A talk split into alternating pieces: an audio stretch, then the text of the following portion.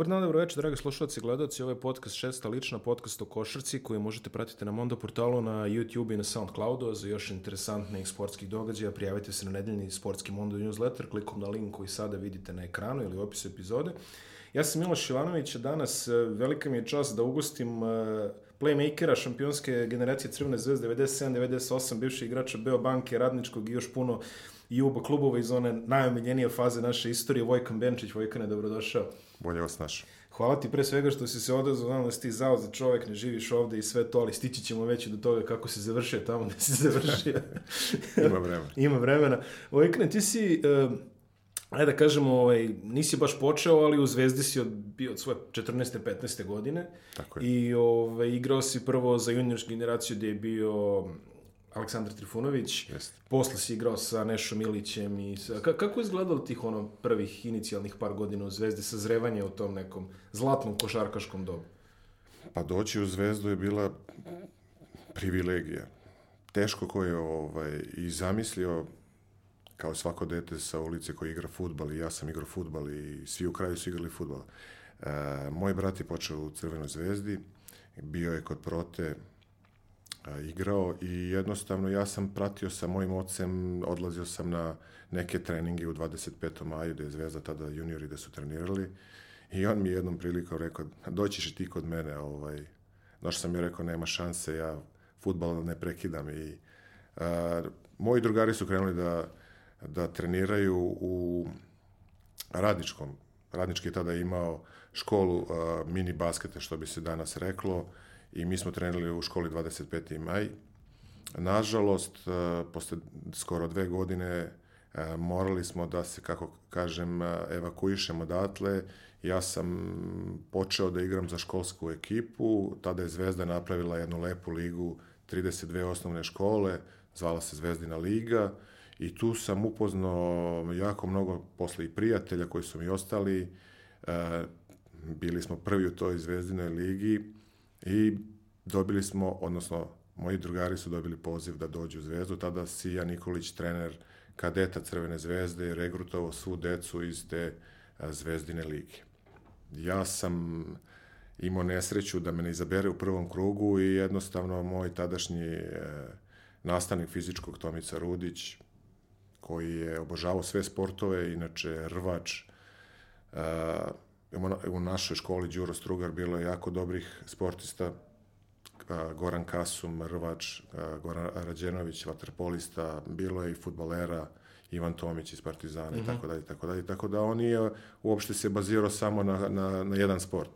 Voleo je da nađe, što bi se reklo, neku žicu kod svakog deteta i tu ga usmerio.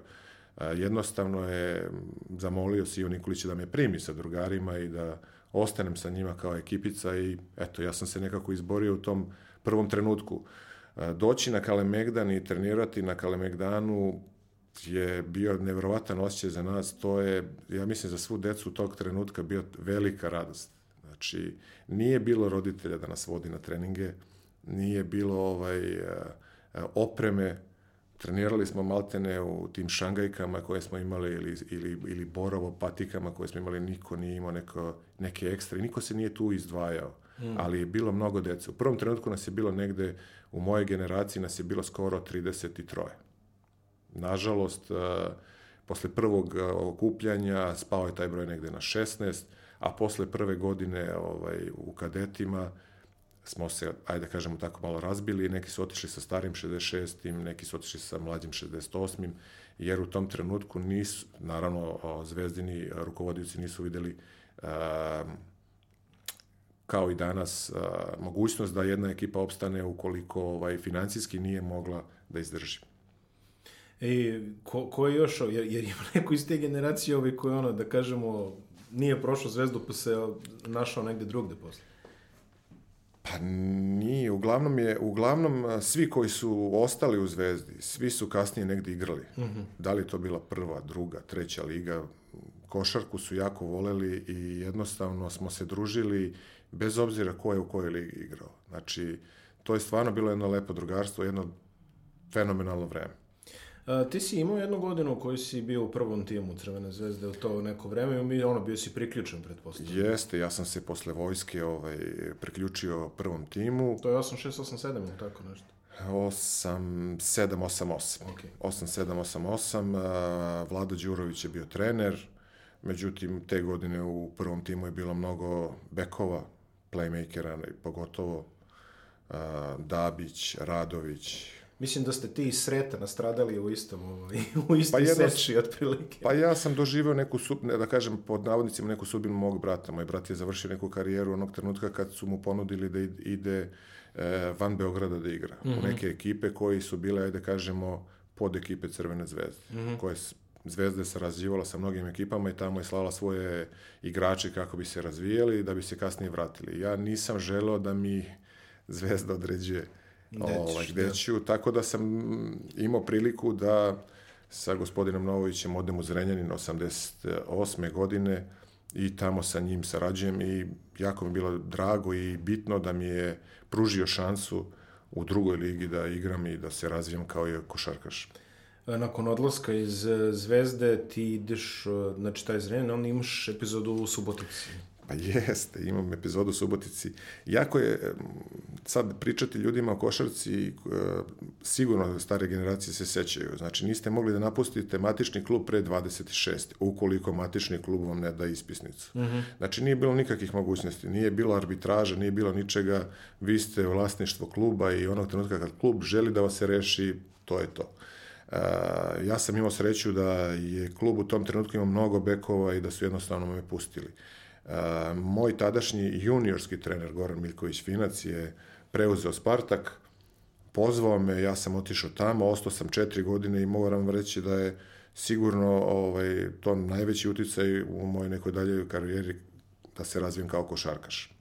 Naravno i kao čovjek, nemam, nemam šta da pričam o Goranu Miljkoviću, fenomenalan psiholog i sve ostalo. Ja sam imao priliku da sredinom 90-ih idem na, kao gostujući navijač, idem u Dudovu šumu, ali kako je bilo ovaj, iskustvo igrati, ovaj, to je bilo poznato kao jedan ovako vatrenijih parketa ovaj, Jubo lige, barem severno od Beograda sigurno. Pa, jako je neobično za dete iz Beograda u tom trenutku bilo da ode u Suboticu. Prvo, ja uopšte nisam znao da Subotica postoji na košarkaškoj mapi. Gledalo se samo prva liga, ekipe iz Jugoslavije, za ostao drugu ligu uopšte nisam znao. Već kad sam otišao u Zrenjanin, već sam se susreo sa, sa Suboticom, ali ni tad nisam doživeo nešto kao, e, završit ću u Subotici. I čini mi se da u životu sve ono što sam govo- pomislio ne bih da mi se to ostvarilo. Ovaj, tako da me on pozvao gore i prvi utisak, 3-4 igrača je pozvao tadašnjih juniora, bivših juniora Crvene zvezde i mi smo tamo završili, Dragan Nikolić, eh, Mađarević, eh, Ivanić, Eh, mi smo završili gore i jednostavno je, ajde da kažem, dru- društvo je bilo super. Međutim, doći jedan lep grad, nismo očekivali takvu dobrodošlicu e, ljudi, gledalaca, uopšte svih žitelja Subotice. To je bilo fenomenalno. Znači, iskustvo za jednog m, je- dete, ajde kažemo, koje je s Beogradskog asfalta otišlo u jednu, jedan mali grad, malu sredinu, da, da nas tako prihvate, to stvarno niko nije očekivao. I u, tu si se zadržao, kao što si rekao, tri godine, čini mi se. Četiri godine. Četiri godine, četiri sezone u Subotici. Um, nastavljaš putovanje u Vojvodinu. Ti si stvari otišao prvo na ekstremni sever, pa si krenuo prema Beogradu ovaj, Pa ja sam, polako. ja sam krenuo da obilazim Vojvodinu. Znači, Krenuli- otišao sam Zrenjanin, Subotica, onda sam dobio a, a, poziv posle četvrte godine od Boška Đokića, koji je preuzeo tada Vojvodinu u drugoj ligi. A, sa Boškom Đokićem sam imao a, jako lepih susreta, igrao sam protiv njegovih ekipa i imali smo dosta razgovora i pre utakmica i posle utakmice i nekako mi je ostao u dobrom sećanju. I eto, rešio sam da odem tamo, da pomognem Vojvodini, da se vrati iz druge lige. Mi smo ušli te neke 92. treće iz uh, druge lige, ušli smo u prvu ligu. I, i imao si tu priliku da budeš u jednoj izuzetno mladoj, interesantnoj Vojvodini koja je u tada, tada je stazavalo dosta igrača koji će igrati bitnu ulogu u poslu naše pa, košarke. Pa sad kad se pogleda tačno, u tom trenutku to su sve bili klinci, uh, ajde da kažemo ratnici, došli sa svih strana, Vesa Petrović iz Sarajeva, Jovo Stanojević iz Odžaka, uh, ma, ma, mladi Bolić koji se, ajde da kaže, već afirmisao u toj Vojvodini, ali još uvek mladi, nezreo za te neke velike domete. velik, ali... E, a vidi ga ali sada, predsjednik, ovaj, generalni sekretar, šta je već. Sad ne se- možemo više da pričamo. Če, čestitke, ovaj, čestitke Zlatku Boliću, ovaj, prijatelj ovog podcasta za ovaj, angažman u KSS, on je sada postao, čini mi se, generalni sekretar. Sekretar. Tako je, da, tako da, zamenio je valjda Dejana Tomaševića. Tako da, ovaj, čestitke njemu, ali eto, izvoli, nastavi se. Pa je, opet kažem, e, jako je bitno, naravno u tom nekom trenerskom pozivu, jako je bitno izabrati dobre momke. I mi čini mi se da sam imao sreću u svim klubovima gde sam igrao da su treneri birali dobre momke. Stvarno nismo mi imali, imali ni jedan incident. e, bilo incidenta ovako na treninzima, ali van terena stva, družili smo se, imao sam sreću da nam tada ovaj, isto mladi kapiten bude Lukić, e, igrač koji je ponikao u Vojvodini i čini mi se da se Boško Đokić okrenuo a, mnogi treneri izbjegavaju kombinaciju stari mladi. I, m, ili se odabe, i, a, ili se odluče za iskusne starije igrače, pa mladi dobiju na kaščicu, ali mislim da je Boško tren, a, Đokić u pravom trenutku odabrao kombinaciju svih mladih igrača sa možda dva, tri iskusna. Marinković je te godine došao iz Crvene zvezde, ja sam došao iz Subotice, mi smo imali kao pod, pod navodnicima neko prvoligaško iskustvo, ja sam imao igru dve godine sa Spartakom u prvoj ligi, a, međutim mi smo bili mladi. Ja, ja sam imao u tom trenutku nekih 24-5 godina, mislim da je to mladost neverovatna bila za, za košarku. A, Bolić je tada imao nekih 18 godina, Jova Stanović i Ve- Vesa Petrović 16 godina. I imali su sreću da u tom periodu, hajde da kažem, bio neki vakum. Da su, da, da su mnogi u, u to vreme, već ono teško vreme u, u Jugoslaviji, u Srbiji, a, počeli da dolaze napolje i u pravom trenutku se ukazala prilika za mlade igrače. Uh, pokojni Boško Đokić generalno imao tu neku viziju dosta, on je radio takođe dosta sa mladim igračima u FNP-u posle i mnogi ga apostrofiraju, ali on je ovako bio interesantan trener i imao je te, lepo si ovaj, ti rekao, imao sam interesantne razgovore sa njim. Boško Đokić je u ostao, mu je meni ostao, ostao u sećanju kao čovek koji je onako neki veliki predavač košarke. Pa Boško Đokić je imao veliko iskustvo pre svega u tada u Jugoslaviji drugim ligama. To je bilo najteže igrati u drugim ligama. Mislim, ja sam preživeo, eto, kažem, Zrenjanin, uh, Suboticu pa i Vojvodinu u drugoj ligi. Posle kad sam počeo da igram prvu ligu, to je bilo milina. Dobre sudije, dobri tereni, trebalo je otići na loše terene, gde su mali tereni, gde sudije ne mogu da se snađu, gde vas krade zapisnički sto, gde vas uh, gađaju, pljuju i tako dalje. To doživjeti u, u drugoj ligi, prva liga je hotel s pet zvezdica. Koje su bilo neke od interesantnijih gostovanja u drugoj ligi? Ha, bilo je lepih, bilo je ružnih. Uh, teška gostovanja su uvek bila uh, Alkar, recimo, Alkar, Sinj. Sinj, jeste tamo, da Lovćen, Lovćin je to, su, čuven. to je uvek bilo tako, su, a, Nik- Nikšić. Pa znate kako, ovaj, male sredine e, traže, traže rezultat. Nemaju te mogućnosti, onda pokušavaju nekim drugim načinima da dođu do rezultata. E, ja sam imao nesreću da sam igrao u Nikšiću sa Vojvodinom, gde sam dobio udarac već u drugom minutu, nameran udarac ispod koša gde sudija video i završio sam u bolnici. Međutim, ovaj, vratili su me posle 15 minuta, ja sam igrao ovakvim zavojem preko lica, do kraja mi smo dobili, obezbeđenje nas je čuvalo tamo od nekog čoveka, ne znam nikog. A, da kažem, igralo se tad u maloj sali u Nikšiću, ovi e, stariji možda igrači se sećaju ti, te sale, školska sala, Kako se zvao klub? Jer je dalje bio Ibon tada ili... A, jeste. Ibon, da, jeste, da. Jeste. Tako da bilo je, bilo je svakakih i terena, uglavnom sve je zavisilo od trenera.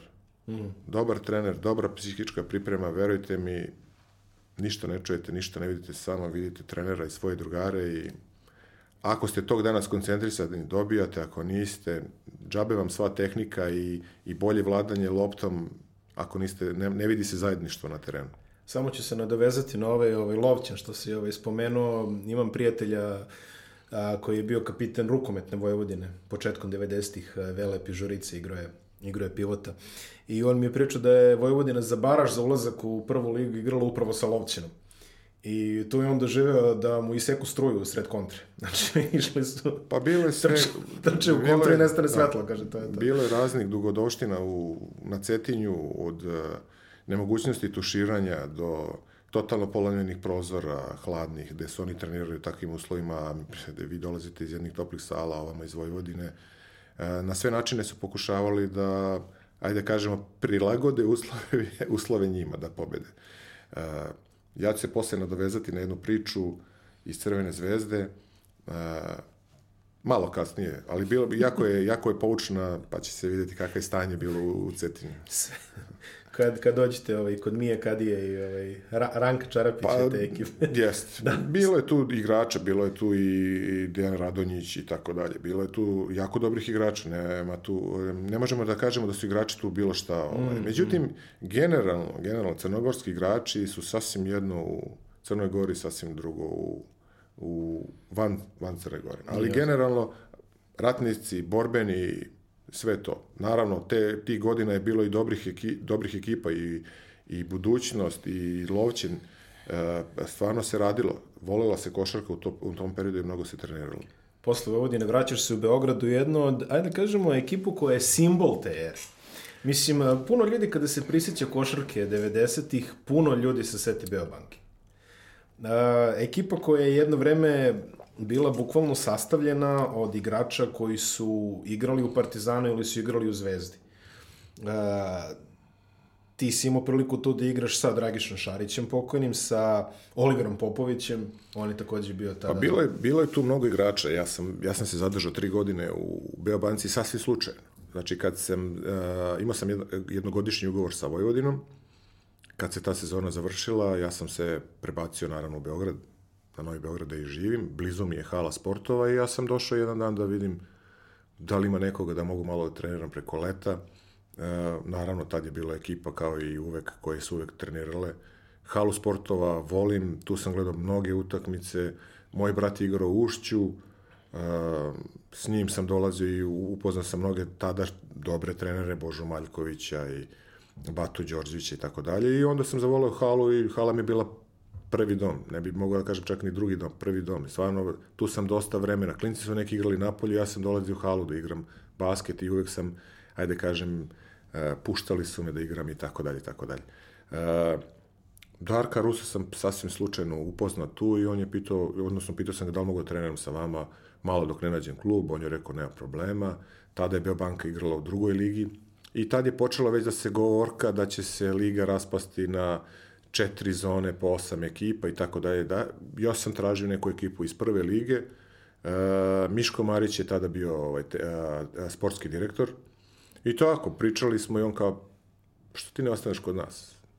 A šta će ja u Beobanci, neću u drugu ligu, mislim da sam to prerastao, da bi trebao da krene već u prvu ligu i tako dalje. Onda su mi stvarno obojica ovaj, izneli dobar plan, želju za a, ajde da kažem, proširenje kluba, da klub proba da jača, da stane na prave noge i tako dalje. I ja sam, to rešio da ostanem tu.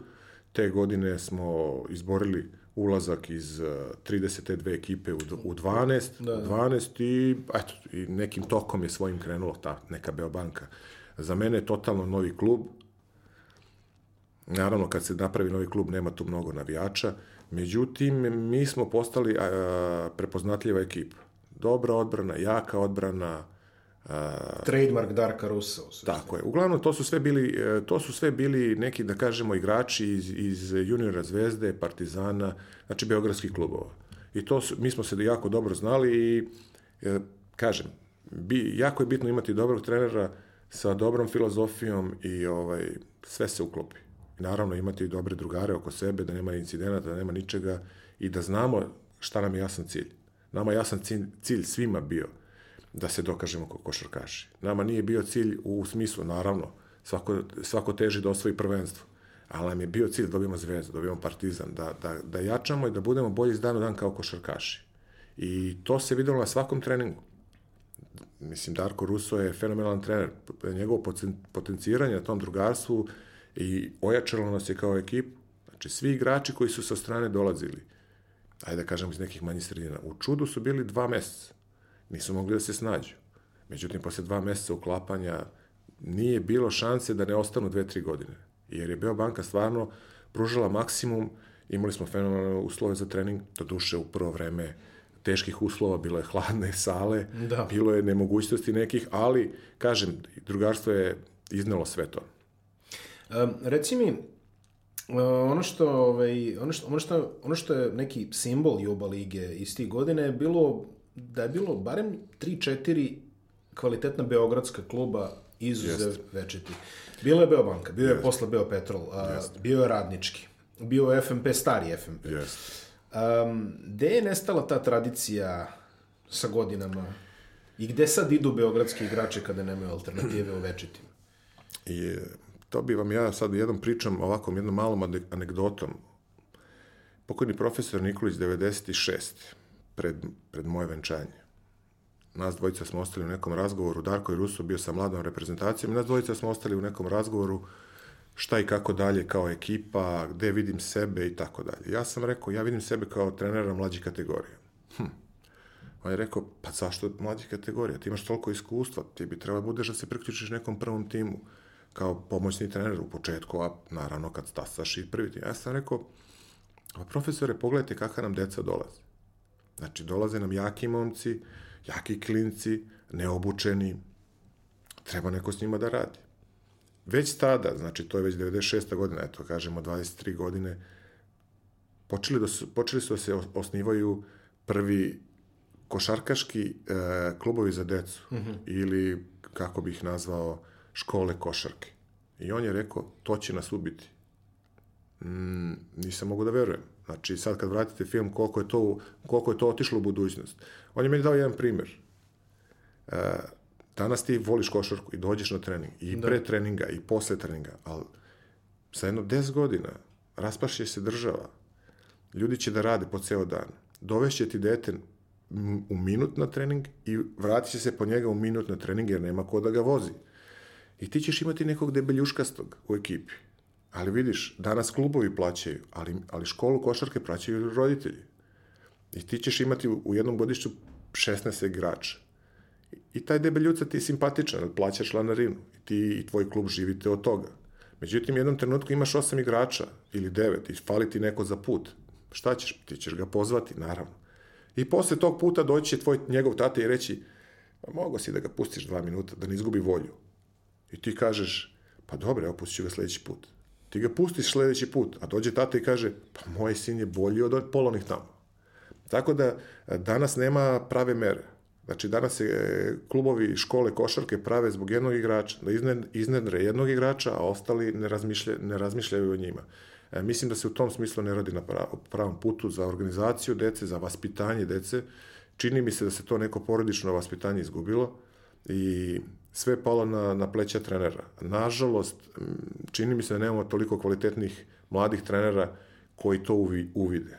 I deca nam dolaze nespremna za razgovor, nespremna za komunikaciju, naravno sad i ova a, televizija, telefoni i ovo sve internet, ubije sve to, vide svakake stvari i misle da mogu da urade svakake stvari i jednostavno nisu spremni za treninge. Ne žele da daju 200% da bi na utakmici bilo 100%. Jednostavno kažu, pa ja ću igrati kao i ovaj moj drugar stari 5 godina kad budem u njegovom uzrastu. Tako da je, je gubimo, gubimo korak sa vaspitanjem prema deci, osnovnim vaspitanjem u porodici i to se vidi i na terenu, u priči, u, u intervjuima sa mladim igračima. Velike mudrosti ovaj profesora Nikolića koji je ostavio puno traga u našoj i regionalnoj košarci na kraju krajeva da kažemo, ali eto puno, puno ljudi, puno igrača je pričalo kako je izgledalo ovaj, sarađivati sa njim. Ispričaj ti kako je izgledala tvoja saradnja sa profesorom Nikolićem.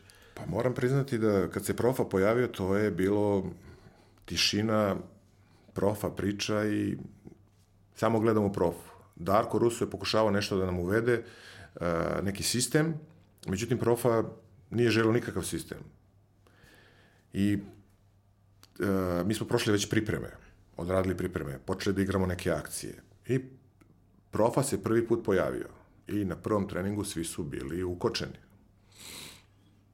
Ja prozovem akciju, krenem, on, stop, šta si prozvao? Ja kažem akciju. Što si prozvao akciju? Ajde igraj akciju. I mi odigramo akciju, sad neko u 20, tad je bilo 30 sekundi, u 27. sekundi neko šutne trojku. On kaže, dobro, jesi prozvao akciju? Jesi sam? Jes. Što ne šutneš u trećoj sekundi? Pa to je budućnost košarke. Ako si sam, šta čekaš 27? A, nismo ga u početku mogli da shvatimo jer je bio ispred našeg vremena. Mi smo bili, ajde kažemo, neke u, što se, u što su trenerskom i tako dalje.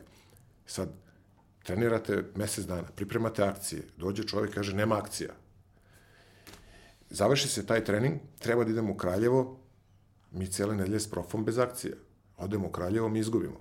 Ja šutnem nešto, 3-2, pet asistencija, bacanja, 5-5, dam nekih desetak poena i meni Darko Russo kaže, neću to, hoću da ovaj, ti šutiraš više, da si prodorni, da imaš više asistencije i tako dalje. I ja celu nedelju sam u nekom grču. Znači, nije to moja nek... tada bila igra i ja sam bio celu nedelju u grču. Profa nikad nije dolazio ni na pre, pripremne utakmice, ni nas gledao, ili imao problema sa srcem i nije želeo da se nervira. I Darko nam je napomenuo, ne bojte se ništa, profa se neće nikad pojaviti, gleda video snimke sa mnom, mi komentarišemo utakmicu i naravno mi smo posle gledali sa Darkom utakmice i komentarisali. E, tad je bila Liga 4 puta 8, mi smo bili u jednoj grupi gde, sam, gde smo igrali, mislim, sa Zemunskom mladošću u hali sportova i ja u tom svom aj kažem, puno energiji, grču i svemu, ja šutnem prvo polovreme 15-2. Ma šutirao sam sve. I gore, i dole, i tako dalje. I Darko Russo me tero, šutiraj, šutiraj, idemo, šutiraj kad si sam i tako dalje. I sad polovreme. Mislim da smo gubili nešto, 3-4 razlike. Ide prof. Se onako. Šeširić, Mantilić. Gde je onaj crni? Sad svi ćutimo, ulazimo, slučajno, gleda onako, gleda, gleda. Ti, ti! Ko si ti? Ja kažem, Vojkan Benčić. On ovako prema Darku.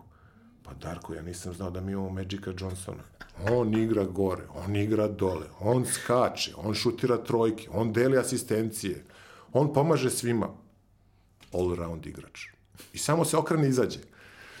Mislim, e, bilo je još dosta, dosta scena, a, e, kasnije kad smo se malo opustili, otkravili sa profom i kad smo počeli već redovnije da treniramo s njim i kad smo uvideli njegov sistem, a, shvatili smo šta traži, Naravno, bilo je jako teško prilagoditi se tom sistemu jer je to bilo ispred nas.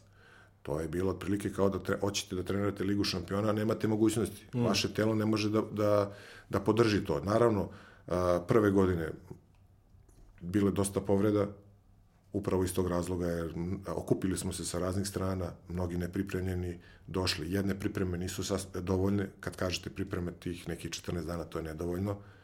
I svima nam je bilo jasno, imali smo razgovore sa profom i on nam je objasnio dugotrajnim procesom, jakim treninzima, vidjet ćete da i kad dobijete povredu, vratit ćete se dva puta brže nego neko ko nije spreman. Ja sam imao par povreda, verujte mi da je to istina i, i danas kad pričam to i, i mojim sinovima ne veruju, jednostavno dobar trening, dobar rad, spremi organizam na jedne ekstremne uslove, gde kasnije to dođe komači i kašlje kad treba se oporaviti. Neverovatno je ta vizija profesora, pogotovo ovo što si rekao, šutiraju u trećoj sekundi kad se sam to je u budućnost košarke, to se ostvarilo i te kako se ostvarilo. Uh, u tom, ja, evo, pri, pričam malo pre o ovim, ovoj dečici školi košarke, pa sad o takim nekim stvarima, o nekim stvarima na treningu, kako šta, saradnja, visoki, visoki, a ne e, mali, visoki ili e, visoki, mali.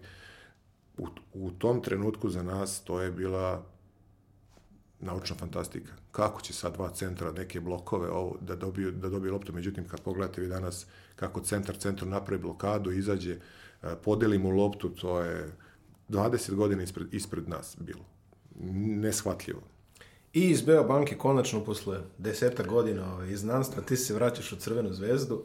Uh, pre nego što kreneš, samo da ovaj, za mlađe slušalce da predočimo, Zvezda te godine, pošto je za malo ispala u sezoni 96-97, bukvalno je došlo do poslednje utakmice s Vojvodinom, ili predposlednje utakmice s Vojvodinom, više se ne sećam. Uh, Crvena zvezda zadržava samo nekoliko igrača, to su bili Bolić, uh, Stanojević, Dejan Mišković, uh, Igor Petrović, Igor Perović, je, Igor Perović i, i Igor Kočević. Kočević. To je ostalo. Došli ste ti, trojica iz BFC-a, Topić, Topalović, Kuzmanović, došao je Oliver Popović, Popović iz Beobanke. I došao je, ako se ne veram, Božo Vukazić, koji je odmah, iste, odmah je momentalno prosleđen na pozemicu. Pa ja mislim da ovaj, neko, to sad idu priče, neko je pravio već spisak igrača. Da. I činilo se da će, zve, da će u zvezdu prof. I neko je sa profom pravio spisak. I taj spisak je bio proširen. naravno, Profa je imao viziju da se ne dovode pojedinačno igrači, nego da budu dvojke, trojke u grupama, gde, su, gde se već uigrani. Tako da smo, kao što si rekao, došla ova dvojka iz Beobanke, trojica iz uh, BFC-a. Bilo je tu još igrača na probi, uh, međutim, jednostavno po nekom, ajde da kažem, nekom, nekom sistemu eliminacije ostali smo samo mi. Bože Vukazić, inače u to vreme prvi strelat, čini mi se da li, ne znam da li prve B ili prve ligi igruje za Mornar ili tako nešto, sad se više ne sećam.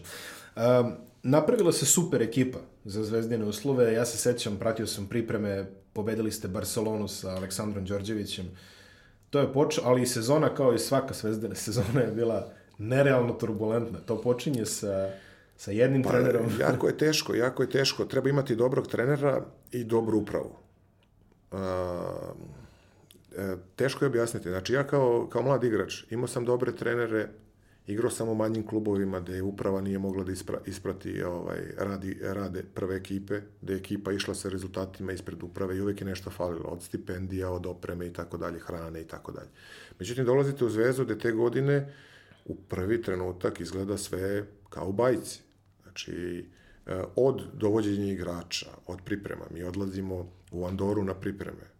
E, pokojni Mihajlo Švaka, kondicioni trener e, Dragutina Topića, radi sa nama. Mi, smo, mi se pripremamo. Mihajlo Pavićević je trener sa nama. radimo fenomenalno. Igramo tamo utakmice, Barcelonu sa Saletom Đorđevićem, Manresom, a sve španske ekipe, tamo igrali smo jedno 4-5 utakmica, mi dobijamo. I atmosfera je fenomenalna.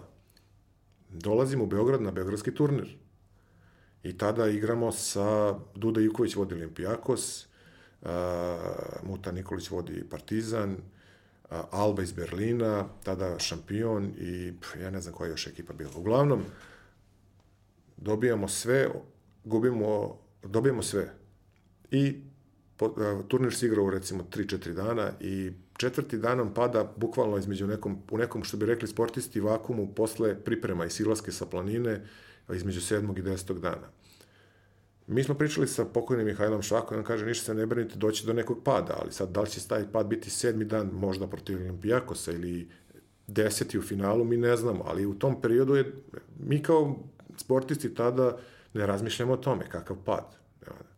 Mi izlazimo na teren u finalu sa Partizanom, oni nas počiste, znači mi smo izgledali kao kao dedice, nismo mogli da trčimo, bez, bez vazduha. Znači, svako ko je seo na, na klupu kaže, ne mogu da dišem. A u stvari to je bila klimatizacija.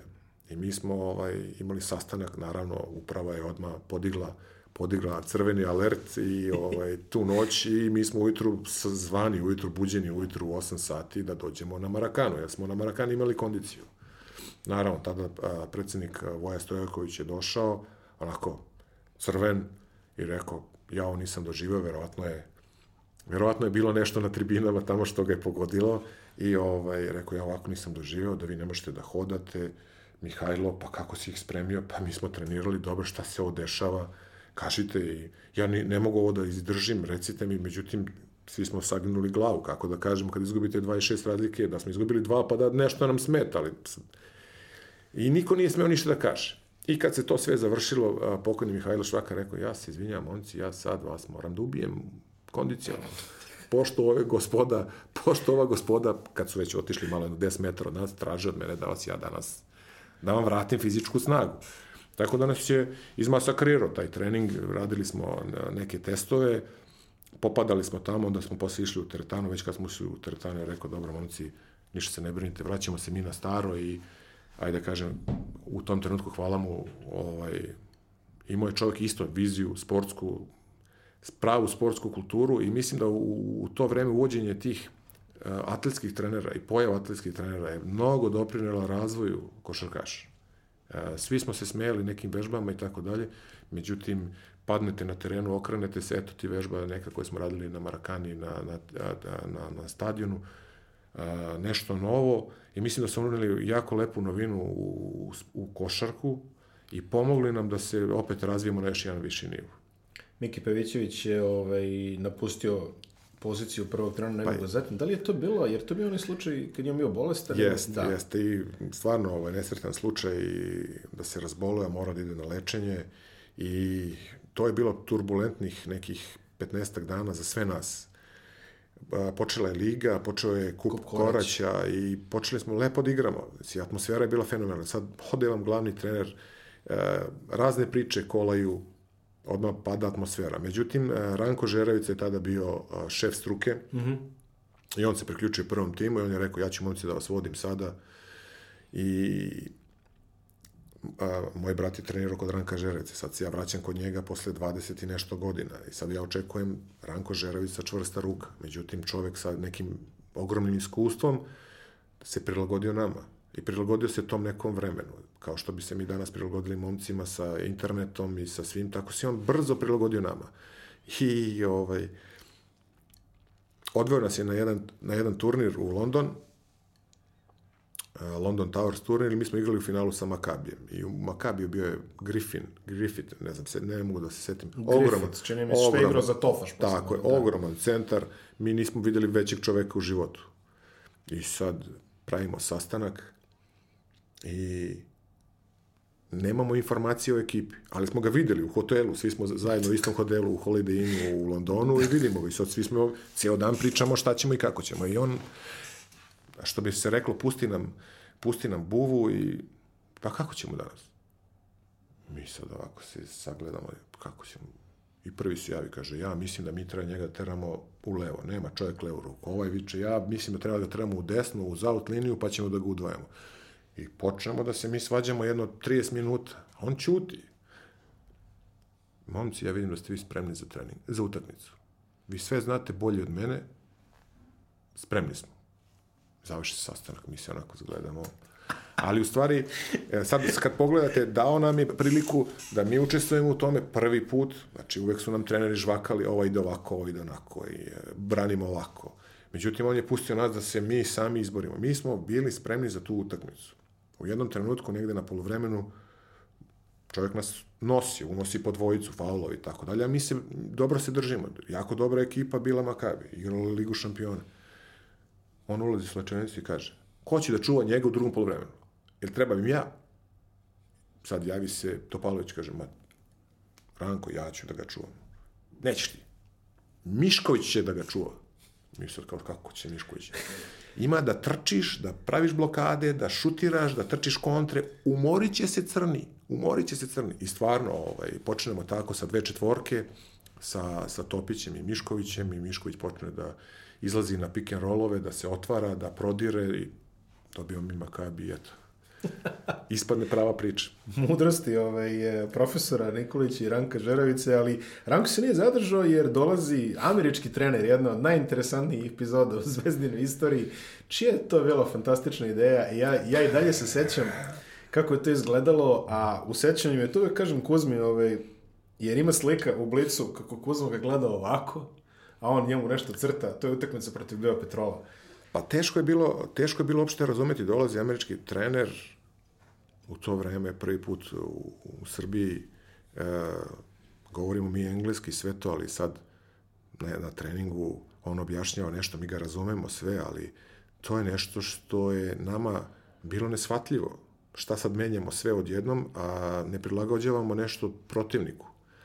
E, prvi, prve utakmice imali smo recimo ima jedna dugodoština sa mnom ovaj, igrali smo protiv Beo Petrola u hali sportova Čuvena I, utakmica. i, i tu utakmicu na tešku muku na tešku muku naravno novi trener no, nova taktika sve se menja nove akcije za 7 dana spremiti je jako teško Išao neki produžetak, bilo je stoji Tako, nešto, stoji tako. nešto, sećam se. I u, da. tom, I u toj utakmici ja dam nekih, ne znam, 17-18 poena, šutnem trojke, 5-4 i tako dalje. I on meni kaže, hot hand, ti si naša kao vruća ruka. Ja, pa dobro. Počne celu nedelju, on mene da tera da igram na dvojici na trojici. Ja mi se izgledamo i svi kažu "Pa šta se dešava. Ja pokušam sa ovim pomoćnim trenerom da pričam, on kaže pusti kao razgovarat ću ja sa njim. E, dođe sledeća utakmica, otprilike nešto kao i sa profom, ja krenem da šutiram, da šutiram, ne mogu ništa da pogodimo, završi se utakmica, mi dobijemo. Jer smo stvarno imali e, tih prvih dva meseca smo imali fenomenalne rezultate. Ništa se ne brini. Svaki veliki šuter, dođe pad, ti nastavi da šutiraš i dalje. Međutim, ja sam se vratio mom starom, mislim da su ga i malo ismirili i vratio sam se nekom mom a, starom stilu, ali smo imali sreću da nam se sve nekako otvori. sva putovanja i sve nam se otvorilo gde mi dobijamo sve utakmice i nije bilo lepa igra, moram priznati, mi smo teško dobijali. Promenilo se nešto, mi smo teško dobijali, nešto nam je falilo, nešto nam je falilo da nas, da nas pokrene. E, sa američkim trenerom je bilo jako teško. Evo, sad ću se vratiti na onu priču od početka. Cetinje, igramo tamo, on čovjek ulazi u slačenicu da opere ruke, svi tuše i sve poskidano, nema ništa. Prvi njegov šok. Onda izlazimo napolje, zagrevamo se, počinje utakmica, imamo zaštitnu ogradu, imamo sve, svi sedimo, niko ne ustaje. I naznačeno je čak i da ne ustajemo, da ne provociramo publiku i tako dalje. Međutim, on kao trener ustane da stane pored te zaštitne ograde. Dolazi polovreme, on ulazi mokar, znači njegov sako je bio kao da ga neko polio vodom, da li su ga ispljuvali, ne znam šta su mu radili tamo. On je ušao sa ovakim očima. U šoku. Ja ovo nisam doživeo. Igrao sam u mnogim koleđima sa crncima, u najgorim kvartovima. Niko nas nije dirao. Ali ovo, ja ne znam da li ovo postoji. Tako da mislim da on nije bio svestan, e, čini mi se da nije bio svestan da je došao i šta će ga snaći. Očekivo je kulturu, Evropu, pravu, mislim da, je, da to, to nije dobio. Da je pogrešio kojih hiljada kilometara ovaj, u kontrasmeru. Um, on je otišao, došao je Lala Lučić, e, šampionski trener Crvene zvezde, on je nekako stabilisao tu ekipu i sada tu sve ide nekim tokom do prvoga šoka na, ovaj, na 1. april. Sada moramo o tome, jer tako. Ali ovaj, finale Kupa Koraća tadašnjeg i ovaj, e, revanš protiv Meš Verone, utakmice u kojoj je sve krenulo pogrešno od prvog minuta, počeo od balona pa nadalje.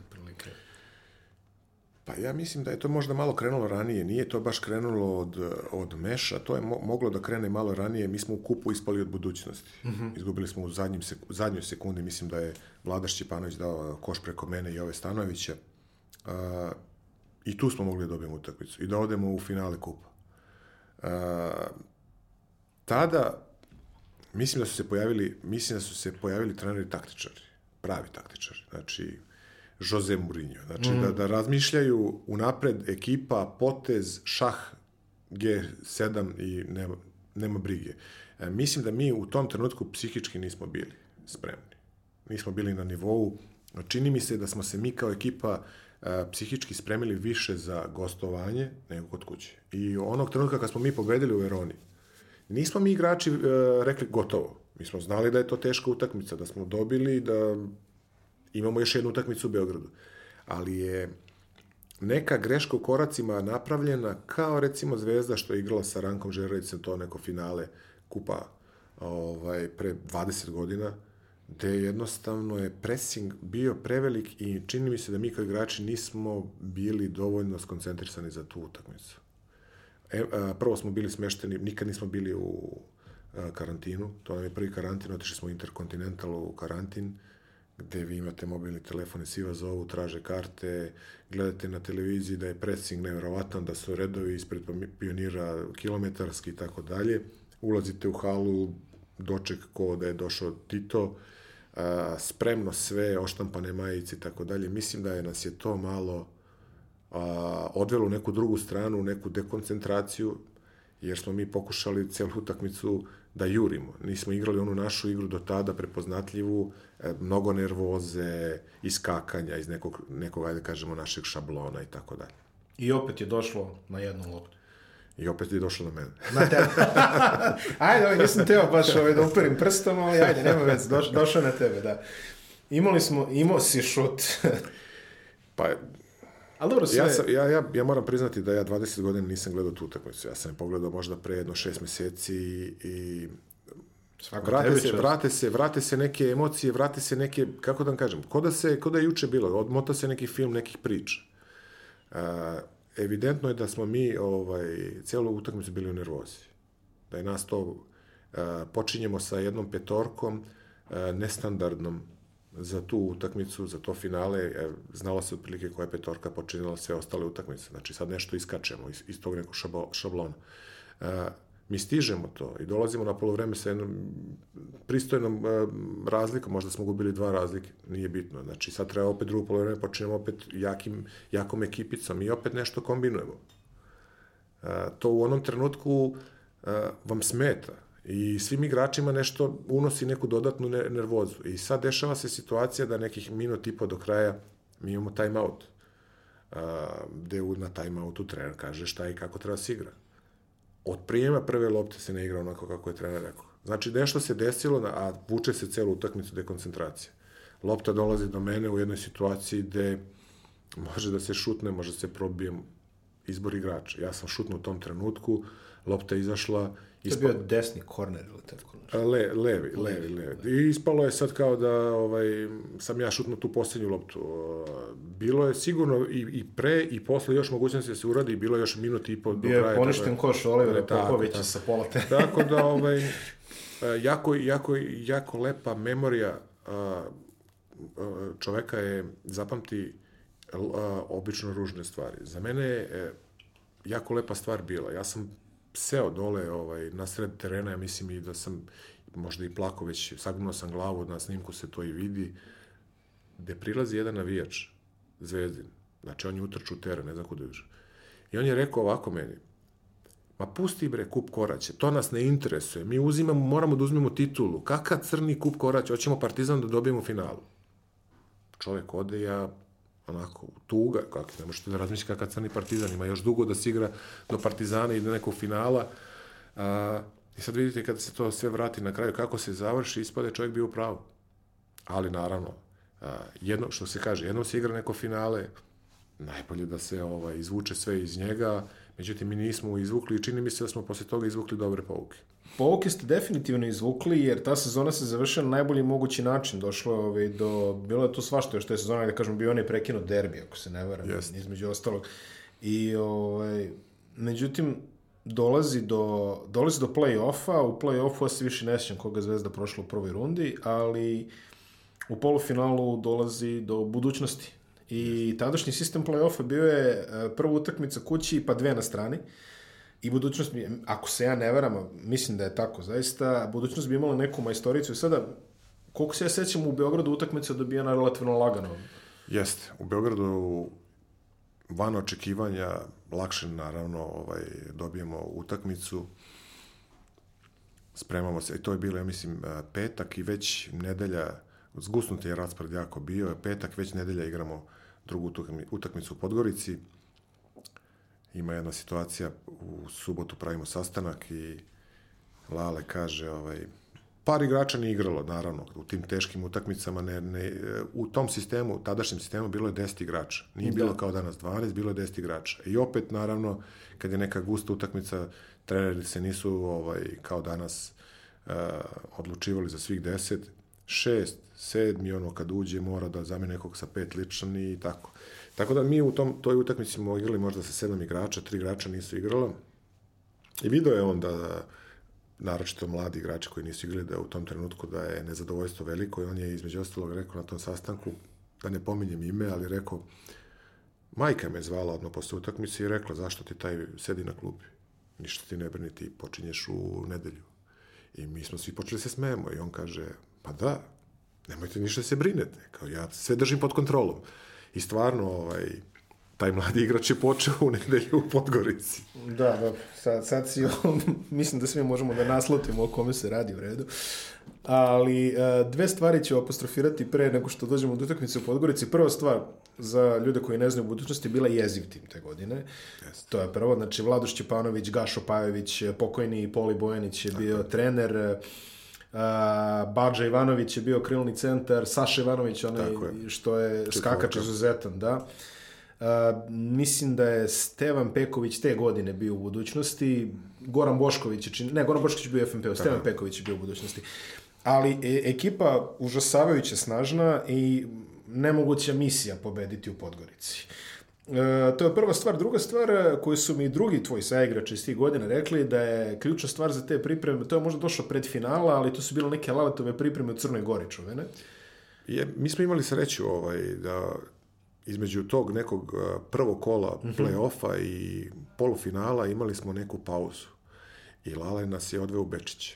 Da, to je čuvene lale, to je pripreme. Jeste, to su bile pripreme nekih 5-6 dana u nekom, ne znam, više ne mogu se sjetiti kom hotelu, mislim da smo bili sami, posle su se pojavile neke a, misice, bio je neki izbor za mis na, na kraju, ali evo, pada kiša u, u, Budvi dole, nemate gdje da izađete, idete na trening, hala prokišnjava, vi se klizate, pokušavate da, da, da otrenirate nešto za budućnost, hladno u hotelu, ali dobro, dobro raspoloženje. Dobro raspoloženje, Lale uvijek držao atmosferu i znao je da podigne to kad god je trebalo. To je uradio i 94. pred finale ovaj, protiv Partizana. Imate u ovom podcastu, pogledajte kako Zoran Sretenović priča kako je njih Struje Lukajić ubio u Kikindi, ovaj, otprilike oni, ovaj, profesor Karaleja su ih tamo uništili, a Zvezda došla Orna iz Crne Gore i počistila finale sa 4-1.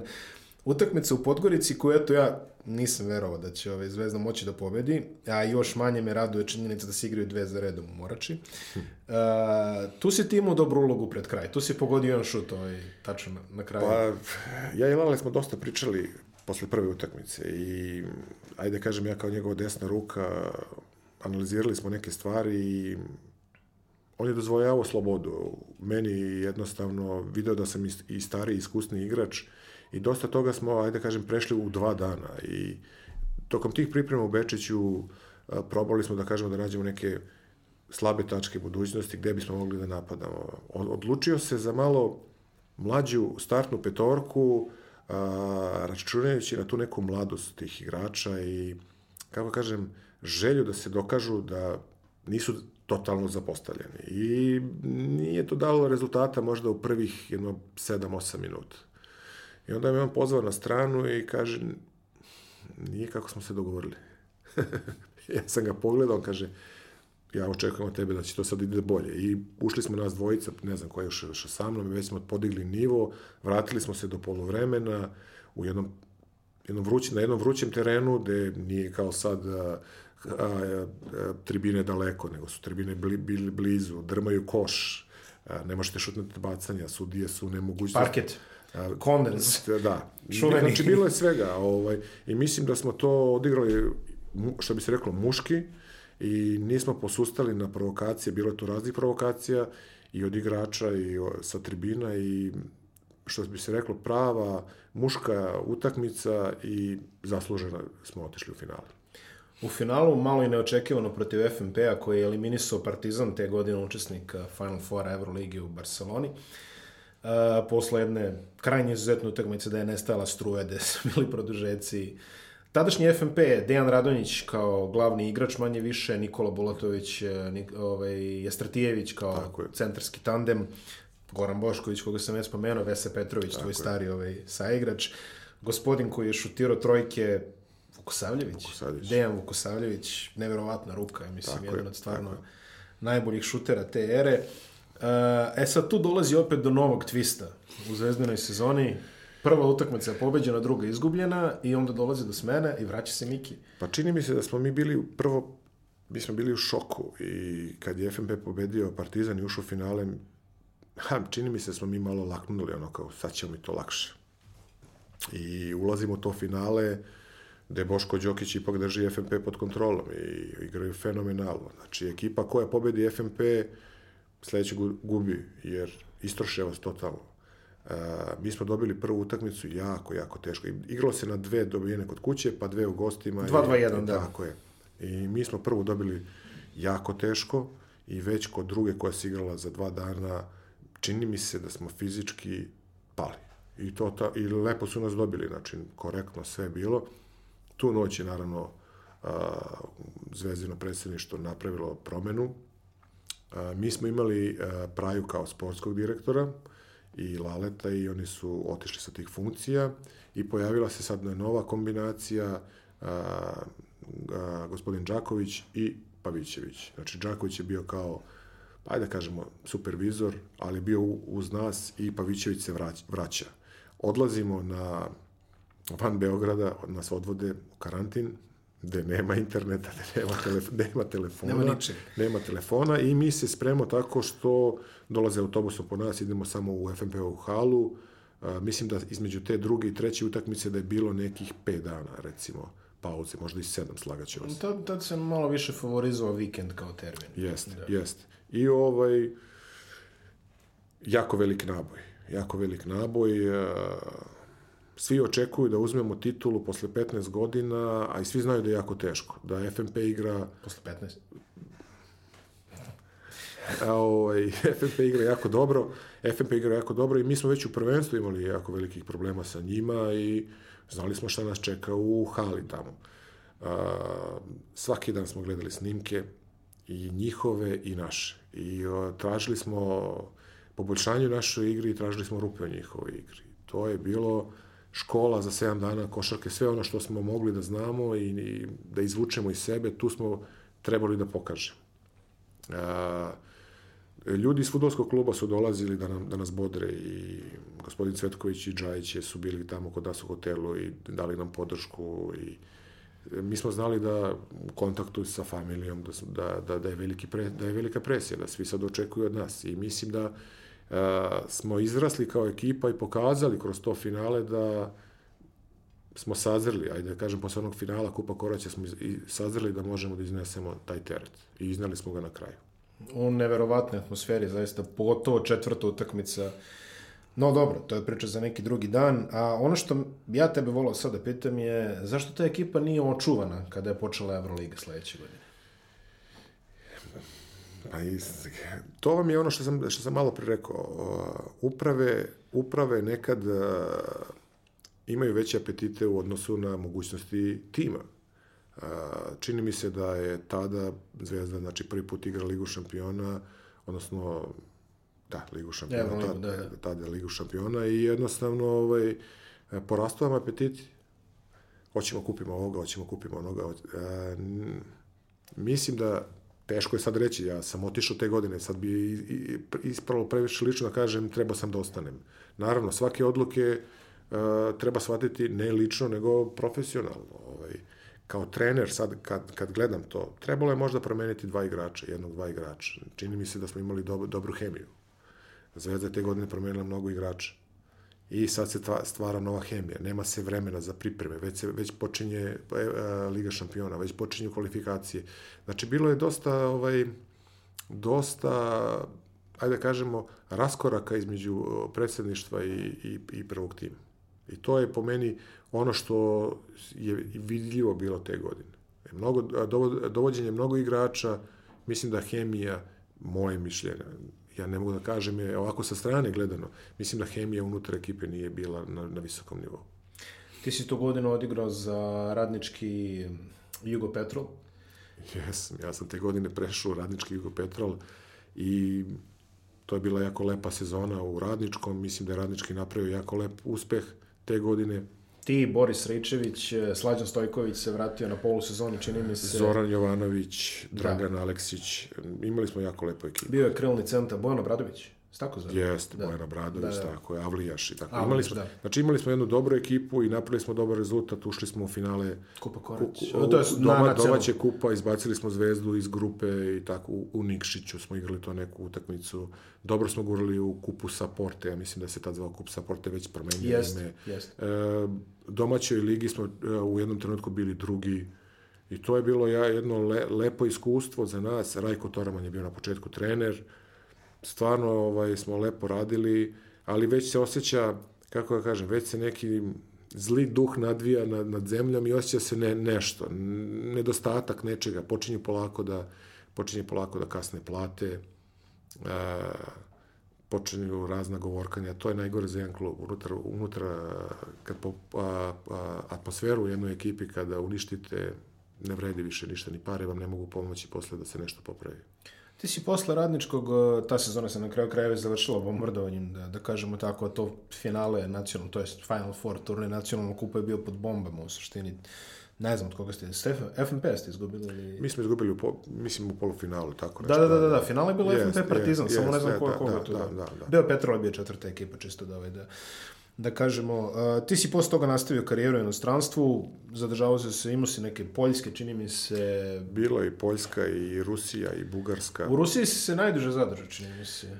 Pa jesam, imao, tamo sam imao dve epizode, dve godine sam bio tamo i sasvim slučajno. Igrao si za ono što se danas zove Lokomotiva Kuban, a tada se tako zvala je, Lokomotiva Mineralne vode. Tako je, tako je. To je igrom slučaja sve krenulo. Znači, uh, Oliver Popović je prešao uh. -huh.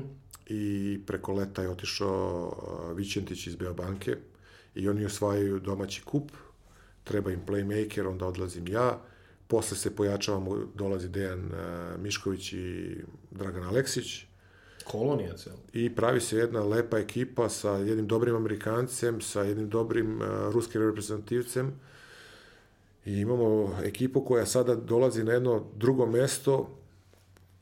Za taj period Rusije neprihvatljivo da stranci ulaze u finale da nas seku, da nas seku u polufinalu protiv Uniksa iz Kazanja, da ne odemo u finale. Sa Ruslanom Avlejevom, pretpostavljam, ta ekipa. Tako je. Da, tako. Da. I mi, mi ispadamo iz toga, međutim, Gazda je bio prezadovoljan što smo mi od jedne male ekipe napravili uspeh, došli na tako, osvojili prvo kup, a onda došli do, do polufinalne serije. Igralo, igralo se uh, u jednom malom mestu, recimo kao Vrnjačka banja, to su mineralne, mineralne vode, mineralne vode naravno, gde je sala bila u sklopu um, rehabilitacionog centra.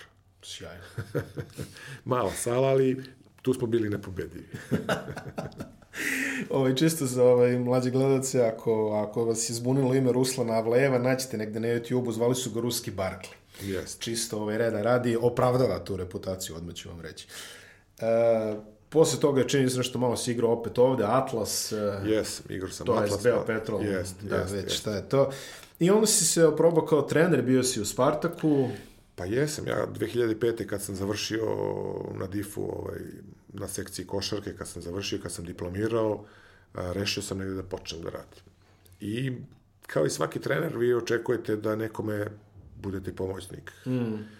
U Beogradu to je bilo jako teško, mnogo trenera i moji prijatelji iz Subotice su me tad pozvali, e, bivši moj da kažem, drugi iz ekipe, Blago Ivić preuzima ekipu, da li bih hteo da mu budem pomoćni, ja odlazim tamo.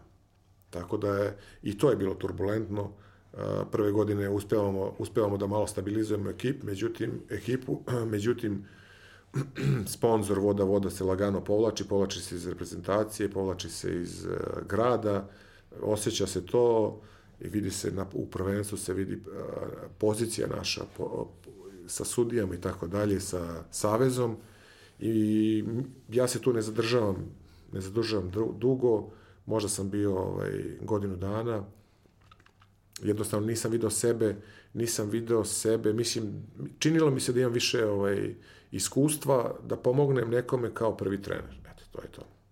Još nekoliko domaćih epizoda, sad oni iz dve su oni interesantne, jedna inozemna, bio si u Tunisu kao, kao trener. Pa jesam, ovaj,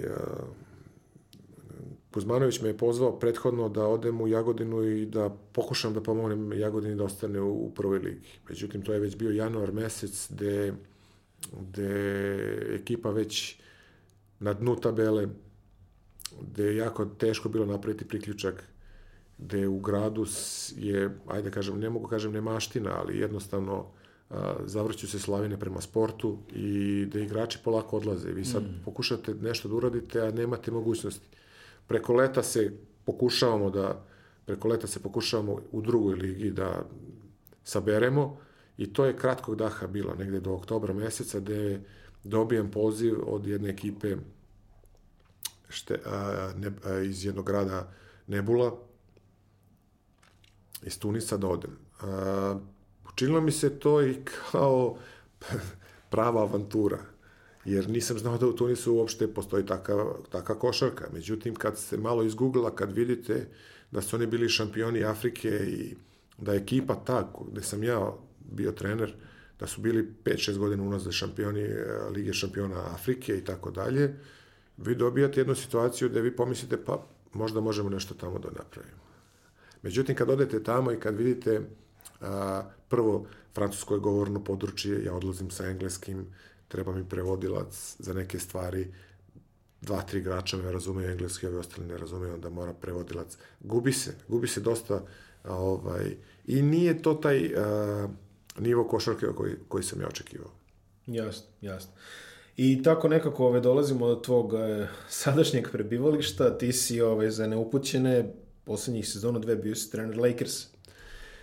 Da. Lakers iz Irske. da, Lakers iz Irske. Lakers da, da. iz Irske, da. Tako je, tako da je. razjasnim. Pa ništa, ja sam um, u nekoj toj epizodi i pre Tunisa i posle Tunisa sam probao da napravim košarkaški klub u Somboru, gde je bila moja žena, ili jednostavno u Beogradu nisam mogao da napravim neki klub za decu. I pokušao sam nešto da napravim, da, da probam da napravim neke saradnje sa klubovima, međutim to jako teško ide. Čim nemate novaca, čim nemate sponzora, ne možete ništa da napravite i pojavila se jednostavno mogućnost da odem da treniram ekipu Lakers iz Kerija, uh, pokrajine, Kilarni grada, na 80 km od Korka. Ja sam imao godinu dana pre toga mogućnost da odem i u Galway, koji je malo, uh, malo zapadnije, veći grad, Super ligu, Međutim, ja sam odbio. Nisam računao da bi, bi bilo potrebno da idem u Irsku na taj nivo treninga dva puta nedeljno, amaterska košarka i tako dalje. Međutim, kad je već a, ovde do, se desilo to da mi suprug ostane bez posla, da ja već a, polako gubim decu u klubu, da jednostavno ne mogu da plaćaju članarine i tako dalje, gde sam video jedini izlaz odlaska. Odlazim u Irsku, počinjem da treniram ekipu, pream, preambiciozno, znači uvodim revoluciju, uvodim treći trening, treninzi su utorkom i četvrtkom, ja uvodim revoluciju u petak, gde se malo šutira, malo taktike i 15 minuta, sve u svemu 45 minuta treninga. Da jednostavno sve funkcioniše, mi u jednom trenutku budemo prvi i rastu e, ovaj, apetiti. Ljudi hoće da ruše halu, hoće da grade veliku halu, ja kažem ljudi pa vi ste tek pr prve godine u drugoj ligi Znači, nemojte sada da, ovaj, hoćete, hoćete u Superligu, ali polako, da stasamo, da dobijemo mlađe kategorije. E, raskol je veliki bio između mladih i starih u ekipi. Znači, imam dvojicu od 19, pa dvojicu od 27, pa ovo ostalo sve 35 i 38 godina. Sve su to a, a, ljudi koji rade. Da. I sad vi njima hoćete da organizujete neki košarkaški trening. U početku su prihvatali sve to, ali onda kad su videli da je to jako, da su putovanja, mm, amaterizam je, sve plaćate sami, putovanje plaćate, klub nema šta da plati. Na početku lige se skuplja kotizaciju od svakog igrača da plati kotizaciju za klub. Znači vi dobite samo ime nekog kluba, a sve ostalo igrači plaćaju kao kod nas, što sada roditelji plaćaju. Jednostavno je, sam video mogućnost napretka te ekipe, jer mi smo sad počeli da dobijemo ekipe koje su godinama ispred nas i a, ako dobro igrate, to se vidi Znači, hala od 500 ljudi, odjednom sad u hali 900 ljudi. Mi ne možemo da nađemo više klupa da unesemo u halu. Znači, atmosfera u gradu je fenomenalna. Znači, ljudi do, dolaze i pričaju u gradu. Tu su plakate po gradu i tako dalje. Međutim, igrači osjećaju umor. Ja sa dva treninga, ja imam rekreaciju svoju tamo tri puta nedeljno, a oni imaju dva treninga. I sad počinju da biraju. Um, ne mogu da dođem u utorak, doći u četvrtak malo pred utakmicu, u petak ne mogu da treniram i ja vidim neki igrači mi ne dolaze petkom. I ja napravim sastanak, kažem, ljudi šta se dešava, do sad smo igrali dobro, nemojte sada razbijati atmosferu. E, odnos moj prema njima je sasvim drugačiji ka, nego u Evropi.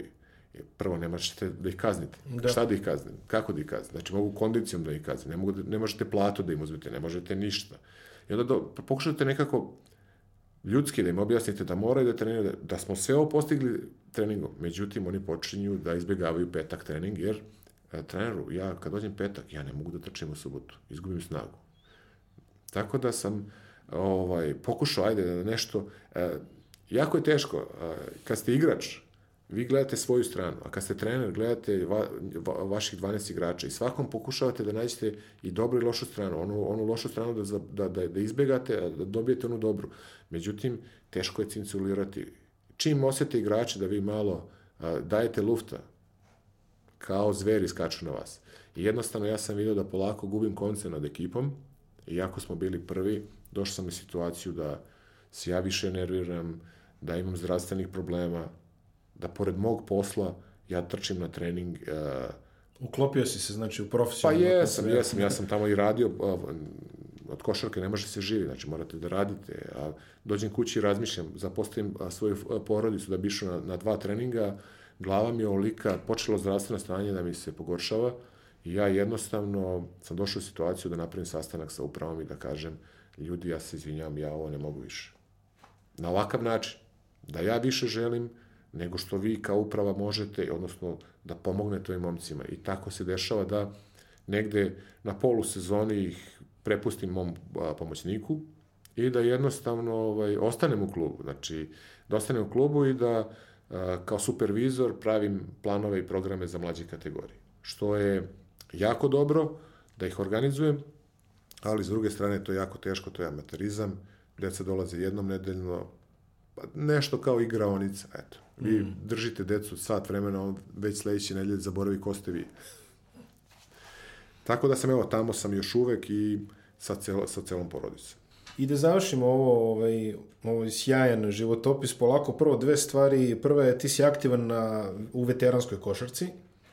Pa malo sam se aktivirao. Malo si se aktivirao, ali evo došao si ovaj, sada u Beograd između ostalog i da bi učestvovao na turniru ovaj, Dragiša Šarića, Tako Memorial. Dragi Šarić koji već 11 godina nije sa nama, tvoj bivši saigrač iz Beobanki i osvajač Euroligi sa Partizanom u sezoni 91-92. Kako izgleda ta veteranska scena kod nas?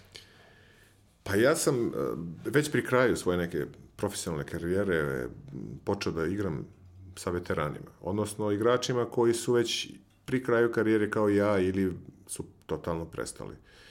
I kad ste u jednom, kad ste u jednoj maši, mašineriji gde trenirate svaki dan dva puta, ja posle prestanka ka igranja aktivnog i kad sam počeo u Spartaku da radim kao trener, dolazim u jednu situaciju gde sam nervozan. Fali mi nešto, ne, fali mi neki, u stvari na kraju shvatim da mi uh, uh, potreban je adrenalin. Znači da ta, ta, ta vrsta uh, presije mi potrebna. I jednostavno sam počeo da igram sa prvo u Subotici, a onda kad sam se vratio u Beograd sa ljudima, bivšim, vetera, bivšim, bivšim košakašima iz Beograda i okoline i počeo sam da učestvujem u nekim malim turnirima, ali kad, god, kad je god bilo vremena. Igrao sam i u Ljubljani pre 7-8 godina sa veteranima Beograda i uvek je bio dogovor da ću ići sa njima, međutim uvek su neke druge stvari e, brisale to i jednostavno nisam mogao. Ove godine se prvi put ukazala prilika bilo je svetsko prvenstvo za veterane u Helsinkiju i ja sam igrao za generaciju preko 50 godina i dobro smo odigrali tamo i završili smo na kraju krajeva kao drugi. Ove godine, evo, došao sam u Beograd da učestvujem na ovom, ovom memorialnom turniru. Vidjet ćemo da sledeće godine, sledeće godine je Evropsko prvenstvo u Malagi, kakve su mogućnosti, da li će firma u Irskoj da me pusti na godišnji odmor i tako. A, gde se igra turnir?